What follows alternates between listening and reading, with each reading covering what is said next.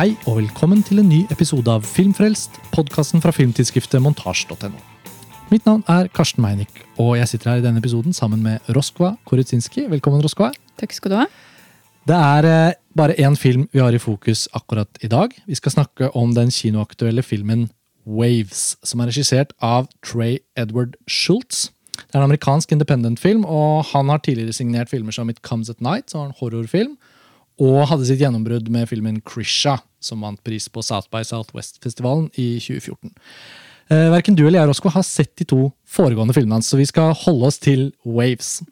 Og dette er jo en film som har gått kanskje litt under radaren for mange, men som hadde premiere for noen uker siden, og som tar oss inn i et sånt visuelt og filmisk univers som minner oss om filmer som kanskje Moonlight eller TV-serien Euphoria på HBO. Noen av de samme skuespillerne osv. Um, da du gikk inn i kinosalen for å se Waves, hva, hva hadde du med deg liksom, forventninger eller tanker om filmen? Uh, Jeg hadde i utgangspunktet egentlig ikke hørt noe om den. Jeg hadde fått med meg en tweet eller to uh, av noen bekjente som likte den veldig godt. Og så uh, gikk jeg egentlig inn i kinosalen uten å vite hva det handlet om, eller hva slags visuelt uttrykk som kom til å møte meg, i og med at jeg ikke har sett noe av regissøren før. Så det var ganske sånn åpent, egentlig. Ja. Mm. Jeg hadde det ikke helt ulikt deg.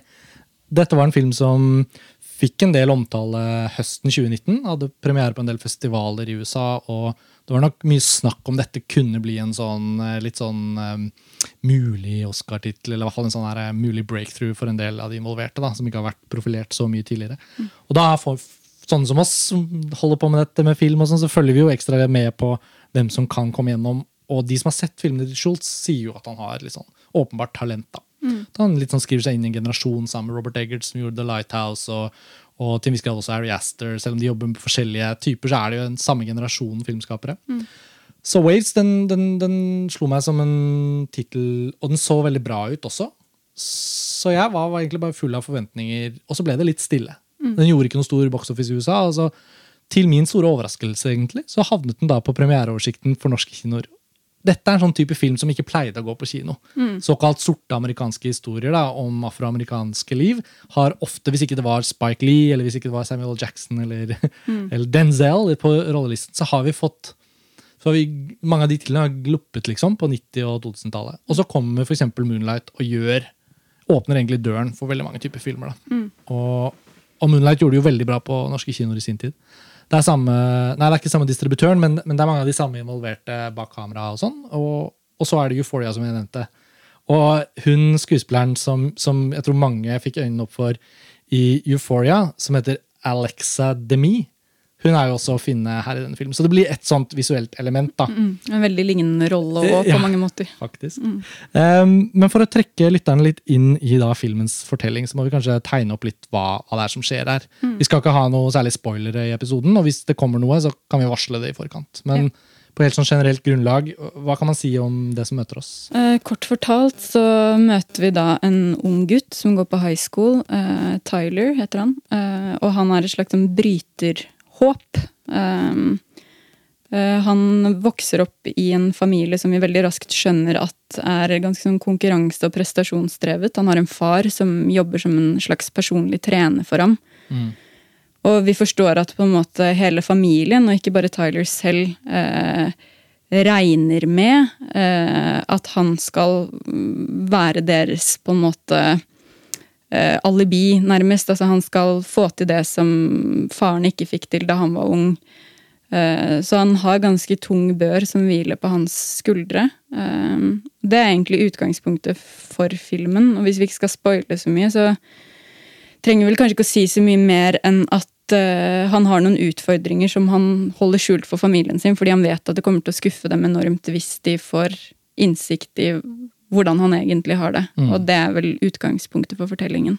Absolutt. Jeg syns på en måte at det er visse biter av plottet når man beskriver det, som på en måte føles som Det minner nesten om sånn der Hvis vi fjerner raseelementet og alle etnisitet, klasse, de tingene som er veldig sånn tidsspesifikt, og, og denne føles som en veldig sånn 2019-fortelling, på en måte, så tenker jeg liksom den gode, gamle amerikanske high school-filmer om siste året på high school, eller liksom, hvor skal vi gå i livet, man har søsken, det er kjærester involvert. det er noen American Graffiti, liksom, ikke sant? uten sammenligning for øvrig. da, Så kjenner jeg at det er en litt sånn urfortelling som ligger bak her.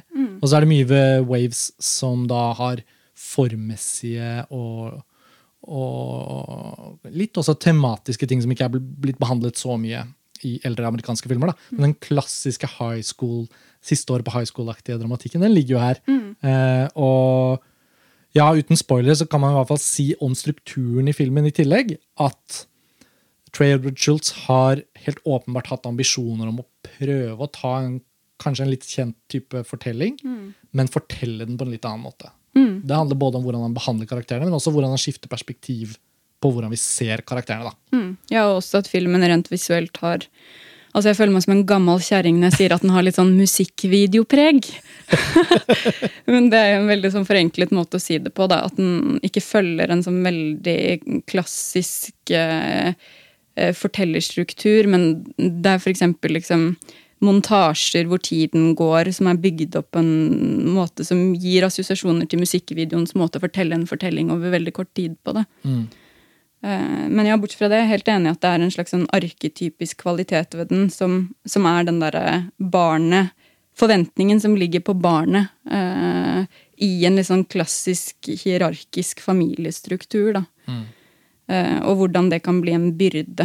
Eh, ja.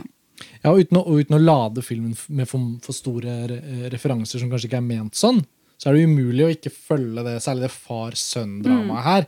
som det, følger det med nesten sånn shakespearianske eh, kurver eller akser i det, Jeg syns liksom det lå noe sånn gammeldags på en positiv måte. Dramatisk bak det. Nå tenker jeg i ren sånn, sånn dramatikkens øyne med. Da, og liksom konvensjoner kan jo alltid høres litt sånn negativt ut når man trekker det inn, men jeg syns jo det er noe av styrken i hvordan vi trekkes inn i dramaet her. At det følger sånne klassiske sånne Å ja, selvfølgelig. Selvfølgelig er han sånn. Og det hjelpes jo da til ikke å bikke over i det klisjéfulle med en gang, i hvert fall. Så syns jeg det hjelpes veldig av skuespillerprestasjonen her. da. Han, øh, han spiller hovedpersonen der, han unge sønnen i huset, Tyler. Han spilles av Kelvin Harrison jr. En eh, ung afroamerikansk skuespiller som jeg har sett her og der, men som kanskje ikke helt har hatt de store rollene før nå. Uh, og så er det han faren som altså Jeg husker ikke navnet hans, men han har sett Sterling K. Brown heter han. Um, han har jo vært i ganske mye. Og, og, og mange snakket om at den rollen som faren i den familien kunne være en sånn type prisvinnende rolle hvis den fikk den der eh, bussen, men det gjorde liksom ikke helt det. Og jeg kanskje jeg har ting å kritisere filmen for, etter hvert som vi snakker oss inn i den. Men jeg kjenner jo også at jeg syns det er rart at den ikke har fått mer synlighet, eller blitt snakket mer om. da.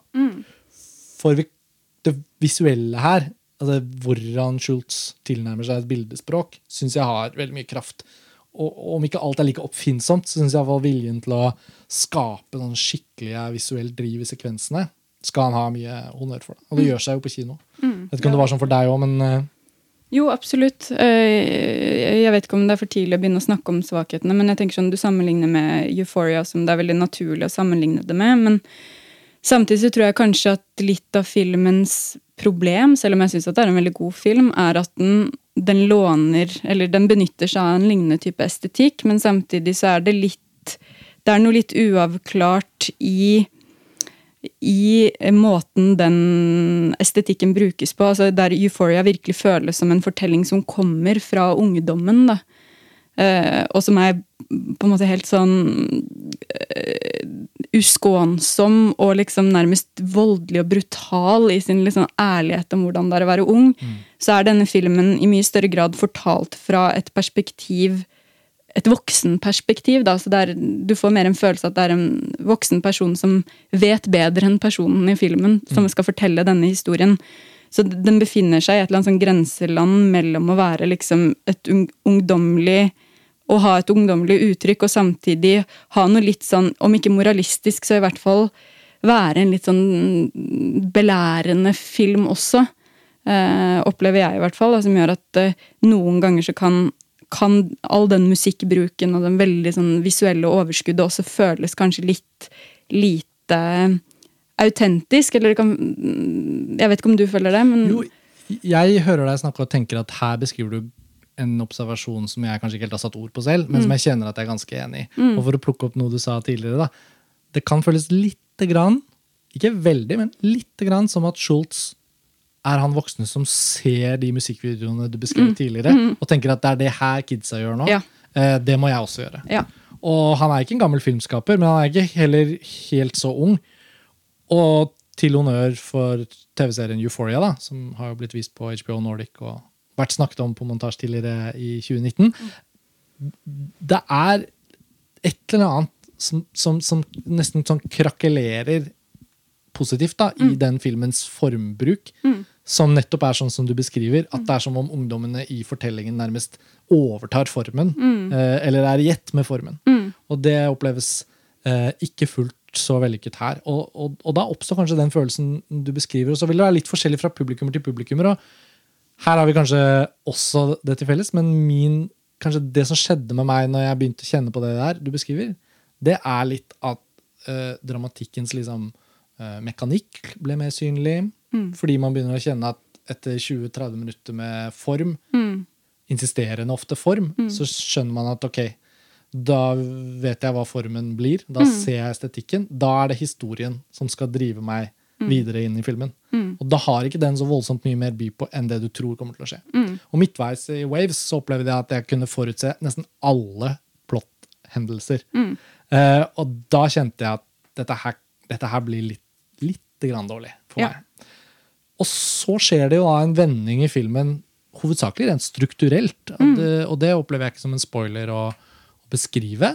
Men det ligger jo veldig i filmens idé. Når man da har sett hele, skjønner man at ok, mye av ideen her var å dele opp en film i en sånn perspektiv, to, to perspektiver, nærmest, på mye av det samme. Men at uh, rollefigurer liksom overlapper hverandre. Og at vi egentlig ender opp med flere hovedpersoner i filmen enn eh, det så ut som i utgangspunktet.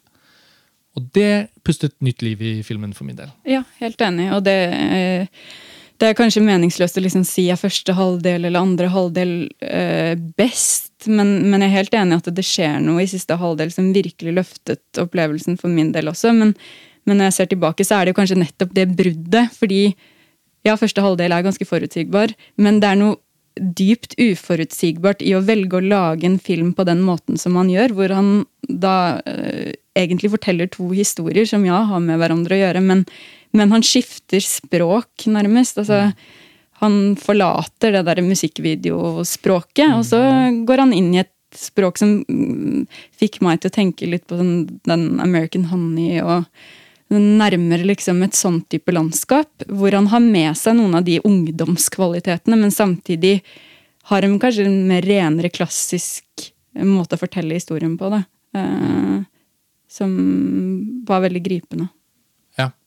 Det, ble, det ble en mer intim og følsom film Mm. i den andre halvdelen. Og det er det mange årsaker til. og det er klart, men Hvis man går inn i en detaljdiskusjon, så snakker man jo kanskje filmen ikke i stykker, men det er klart, det er en film som har fått såpass litt oppmerksomhet at jeg vil tro at mange av lytterne våre ennå ikke har sett den. Mm. Uh, men jeg tror dere vil skjønne hva det er vi snakker om til de av dere som har sett filmen. Og mm, nok en gang så vil jeg da berømme at filmen jevnt over har gode skuespillerprestasjoner. Men det er som om kvaliteten i skuespillerprestasjonene får mye mer emosjonalitet ved seg i den andre halvdelen. Både på grunn av hvor historien da befinner seg, men også fordi han, som du sier, det er som om Schultz liksom innser at disse rollefigurene trenger en annen form, og i det formmessige landskapet er kanskje han mer komfortabel, Ja. eller er mer på hjemmebane. Ja.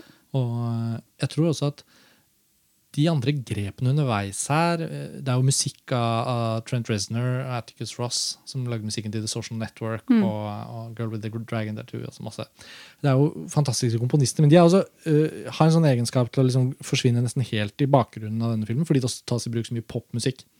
Og valget av eh, popmusikk uh, føles også i andre halvdel mer sånn levd på en eller annen måte. Det var som om det var mer troverdig at musikken faktisk var en del av de rollefigurenes hverdag. Ja. Um, og det er det musikkvideomessige, da. Nok en gang for å vende tilbake til det. At det, det føles som om det rett og slett gjøres mer fortjent Mm.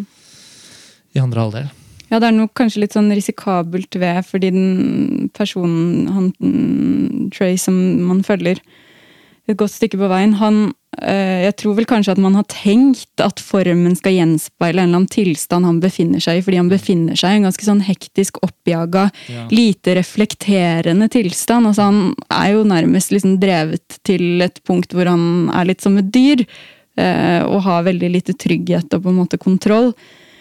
Eh, Men det er det der som er så vanskelig å sette fingeren på ofte med film, Synes jeg. Hvorfor er det sånn at noen ganger så blir form og innhold ett, som du sier med Euphoria? Og hvorfor er det sånn at noen ganger virker litt fortenkt? Og her virker det litt fortenkt. Eh, og jeg, litt på samme måte som med Psycho Bitch, som vi også har spilt inn podkast om tidligere, så er det noe med musikkbruken og det å på en måte velge å bruke musikk for å slippe å fortelle fortellingen. Eh, noe av det samme opplever jeg at skjer litt i denne filmen. At, man, at filmen mer enn å liksom løfte og underbygge blir et sånt eh, substitutt for noe man mangler, da. Eh, og, og ja, det blir liksom ikke helt organisk. Mm. Ta et eksempel fra Waves, da. Jeg, altså, jeg følger deg 100 En sånn litmus-test jeg ofte har tenkt på, noen ganger har hatt mulighet til å utføre, i og med at jeg har jobbet litt som klipper, så skru av lyden. Eller mute den musikken du har lagt på. Altså Bare se det du har, uten kraften av musikk, og se hvilken kraft det da har. Ja. Og det er, noen, det er noen helt spesifikke grep i Waves i starten av filmen, hvor han har for så vidt veldig virtuost i samarbeid med fotografen, har, har skapt noen sånn sirkulære kamerabevegelser. Eksempel når de er ute og kjører bil, så er det sånn uten klipping. Drew Daniels heter fotografen. Um, hvor kameraet på en måte uh, svirrer rundt uh, rollefigurene i bilen, inn og ut, på en måte som fysisk virker umulig i en bil. Hvis du tenker at det er en person bak kamera og masse utstyr og sånn. Sannsynligvis har de hatt noen uh, små uh, kraner og sånn, montert kamera, og så kanskje fjernstyrte, sånn at det på en måte beveger seg eh, i takt med rollefigurene og i takt med den stemningen de er i. Og Tidvis er det jo veldig effektivt. Men tidvis er de scenene også da liksom penslet over med ganske heavy musikk. Og jeg skulle likt å se eh, en av de sekvensene, bare, bare en av dem, ha et helt sånt at det bare er vind, lyden av vind de kjører, altså noe Bare alt helt sånn stille, for det er så mye kraft i bildene. Og det er nesten litt sånn at man får lyst til at filmen skulle innsett i større grad at det bildegrepet dere allerede har tatt, har såpass med kraft i seg ja. at, ja, at du kan liksom bare uh, tune ned, liksom. Du har det gøy på denne festen allerede. Ikke flere drinker nå. Nei, ikke sant. Godt Altså, oppsummert. Når er det du når det punktet hvor du skjønner at ikke noe mer nå? Nå er vi akkurat der vi skal være. Bare sveve på det. Uh, så jeg, jeg, er veldig, jeg er veldig imponert over mye i denne filmen. Og det er en film jeg også har sett frem til å snakke om litt mer presist. Den har dukket opp litt sånn i samtale over glassene. Vår kollega Lars Ole Kristiansen så filmen da han var på reise i Los Angeles før jul. Og jeg tror han hadde en voldsomt sterk visning av filmen. Det er også en film som, eh, for de som kjenner han eller har hørt mye på Filmfrelst, vet jo at Lars Ole også setter pris på mange av de elementene som denne filmen er så sterk på. Og, og så er det en film som det har vært gøy å diskutere, ofte fordi at vi vi ser jo etter veldig mye forskjellige filmer. Og sånn er man jo alltid. Eh, nå var jeg nesten litt overrasket over hvor enige du og jeg Ja, var. nesten litt kjedelig. ja. Søren, da. Nå skulle vi snakke ti minutter til, men så blir det Nei, men e- enighet er ikke noe problem for, for meg i det hele tatt. Men det å dykke inn i årsaksforhold da, mellom liksom vår filmopplevelse, filmens åpenbare hensikt, og også litt sånn hva er det vi egentlig da får med oss likevel som ikke kan settes fingeren på. Og jeg synes den filmen her har også det. Det er noe med filmen som jeg har tatt med meg, som jeg har tenkt at det lå ikke bare i bildene og musikkbruken, eller det lå ikke bare i spillet. og jeg tror En ting jeg hadde tenkt litt på som jeg kommer til nå, det er, det er jo det at jeg også syns filmen var litt sånn sjeldent I hvert fall en vilje til å prøve å analysere liksom klasseforhold og rase i USA uten at det var sånn overskriftsbasert. Det er jo mest andre halvdelen av filmen som jeg synes lykkes i det. da. Men denne familien som du beskrev, som vi møter helt i starten av filmen, og som er jo senteret for fortellingen, det er jo ikke den klassiske liksom, lidelseshistorien om en afroamerikansk familie som, som strever i det amerikanske samfunnet. Det er egentlig en eh, litt sånn borgerlig afroamerikansk familie Eh, nesten sånn som den familien som han Fresh Prince i Bel-Air flytter inn i. Eh, flott, stor villa. Ser ut til at ressursene fra, fra far og mor som har kommet seg inn i arbeidslivet og bygget opp en, en sterk familieøkonomi, fått to barn som har tydeligvis det de trenger, i hvert fall rent materielt, da, for å lykkes i livene sine. Og likevel så går denne historien gjennom såpass mange ja, øh, vonde sider, da, at man likevel ender opp der hvor det er på en måte en afroamerikansk fortelling slik vi har sett den før. Men fordi den tar utgangspunkt i en middelklassebakgrunn, så syns jeg den blir en interessant skildring av hvordan klasseproblematikken ikke opphører selv om du er i middelklassen. Ja, og hvordan den på en måte kanskje står sterkere i altså, mm, Om man skal kalle det minoritetsbefolkning, eller hva man skal kalle det. Da. Men man ser jo i Norge også hvem er det som utdanner seg til advokater, leger, ingeniører. Det er jo andregenerasjons innvandrere, eller barn av andregenerasjons innvandrere. Og det vi som i hvert fall som nordmenn ofte tenker på som litt sånn gammeldagse klassestrukturer, da, og gammeldagse familiehierarkier, er kanskje ofte mer til stede der fordi man ikke har generasjon på generasjon som har kunnet ta for gitt at liksom, ja, men her skal man realisere seg selv, eller her er det viktigste hvordan man har det, eller at de derre eh, som man kan lese om i 1800-tallsromaner da, fra Europa. Der finner vi jo den samme strukturen, men her, har, her ser vi den samme strukturen, men i et annet, eh, en annen demografi da, enn enn vi er vant til å liksom eh, lese om eller, eller se filmer om. Så jeg syns også det funker veldig fint. Den viljen da til å nettopp ta eh, Altså rett, viljen til å lage en film som også behandler tematikken eh, på de nivåene. Ved siden av å være en oppvekstfortelling, ved siden av å være en familie, et familiedrama. Den er en kjærlighetshistorie. Altså, den har mange sånne subplot subplott som også har tematiske liksom, eh, det, Effekten blir også tematisk. Men jeg synes liksom, når jeg har tenkt på den, så kjenner jeg liksom at det den i bunn og grunn handler om, som ikke jeg syns er helt klart, det syns jeg kanskje er hvordan man aksepterer en klassetilhørighet, og hvordan det også er identitet, selv om du med middelklasseutgangspunkt kanskje litt er fritatt fra det. Ikke sant? Hvis du skjønner hva jeg vil? Det er jo ikke sant for alle, dette, men, men eh, siden veldig mange i Norge vokser opp i en sånn veldig typisk middelklassevirkelighet, så er det jo veldig mange som kan kjenne seg igjen når man sier at nei, men vi har et system, vi har gratis skolegang, vi har, vi har et samfunn hvor man egentlig har veldig mange Det ligger mye til rette for at man skal på en måte klare seg, da, komme seg inn i arbeidslivet. og sånn. og sånt. Så kan man selvfølgelig, Det er mange årsaker til at ikke det skjer for alle. Men denne filmen, der den ender opp, med hovedpersonen vi ender opp med, så syns jeg den på en ganske fin måte viser at uh, på tross av alt, på tross av alle de vonde tingene og de kjipe livserfaringene de gjør seg i denne filmen, så er det noe med at, at man ender også på et sted hvor man ser ok, selv med vårt utgangspunkt så er det ikke sånn at ting kommer gratis, eller vi kan ikke ta ting for gitt. og Jeg vet ikke, jeg bare følte at selv om kanskje tematikken er litt vag, så kjente jeg liksom at det var ikke en film jeg egentlig har sett så mange av. Nei, enig. Og jeg syns også det er en veldig fin skildring av Altså Som du sier, den befinner seg hele tiden i et sånt grenseland mellom noe psykologisk og noe på en måte sosiologisk eller politisk. da, Og den, den lager ikke noen sånn falske skiller mellom altså Det er jo ofte problemet med liksom såkalt politisk kunst, er at den, den blir så overskriftbasert, eller den er så opptatt av sin egen samfunnsanalyse at menneskene blir litt sjablonger. Mens her så er det som om psykologi og sosiologi på en måte smelter ganske sånn sømløst inn i hverandre. Og jeg synes det er en ganske gripende og vond skildring av familiesystemer også. Ikke sant? Av, eh, av barn som vokser opp tilsynelatende i familier som klarer seg, og som har ting mer eller mindre på stell, men også hvor mye som på en måte under overflaten er destruktivt også i sånne familier. Da. Og at ja, det har med klasse å gjøre, men det har også med eh, med psykiske vansker, med rus, med sånne type ting å gjøre. Og det er en det, Kanskje det som i hvert fall jeg ble aller mest rørt av med filmen, er den der historien om, om hvordan disse barna eh, På den ene siden er barn som skal underkaste seg foreldrenes idealer og regime, og samtidig møtes med forventninger som egentlig voksne mennesker burde møtes med, og ikke barn. da. Og, og hvordan barna på en måte blir ansvarlige for å liksom lappe litt sånn sårene, sy sårene sammen, også på vegne av foreldrene som kanskje ikke er i stand til det. Mm. Uh, det ja, syns jeg var veldig fint uh, gjort.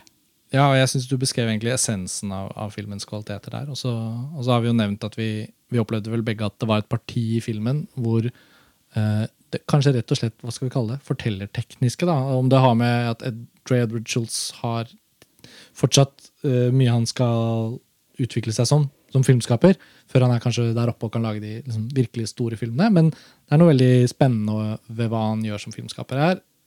Og litt rørende nesten at et parti av filmen er såpass svak, da. Eller at det på en måte da alle elementene som er satt i verk, plutselig slutter å fungere. Fordi de ikke fungerer sammen. Mm. Uh, men filmen overlever den, uh, den svakheten. Kanskje nettopp fordi den har dette litt, litt ikke innovative, da, men uh, et forfriskende oppfinnsomt strukturvalg i hvordan den skal fortelle historien. Så nei, dette var, dette var Waves. Dette var Vi ble Waves. enige om at episoden kunne helt fint også være noenlunde presis. Lytterne er jo vant med at episoder av Filmfrelst fort kan overstige en time, men nå har vi snakket i litt over 25 minutter, og jeg syns på en måte at vi kan la det stå der. Ja. Du hadde en veldig fin avsluttende refleksjon, syns jeg, Roskva, så da, da vil jeg ikke snakke den i hjel. Um, vi er eh, snart tilbake med flere Filmfrelst-episoder. Dette er en film som hadde premiere i februar, og som i hvert fall noen steder i landet fortsatt går på kino. Mm. Vi hadde veldig lyst til å gi den litt oppmerksomhet nå mens den fortsatt er kinoaktuell. Og hvis dere hører på denne episoden litt senere utpå våren, så kan det hende at den snart kommer på iTunes og leiefilm og sånn osv. Så, videre. så da får vi si det var det. Roskva, takk for denne gang. Takk for Vi nå. høres snart igjen. Det gjør vi. Ha det bra. Ha det.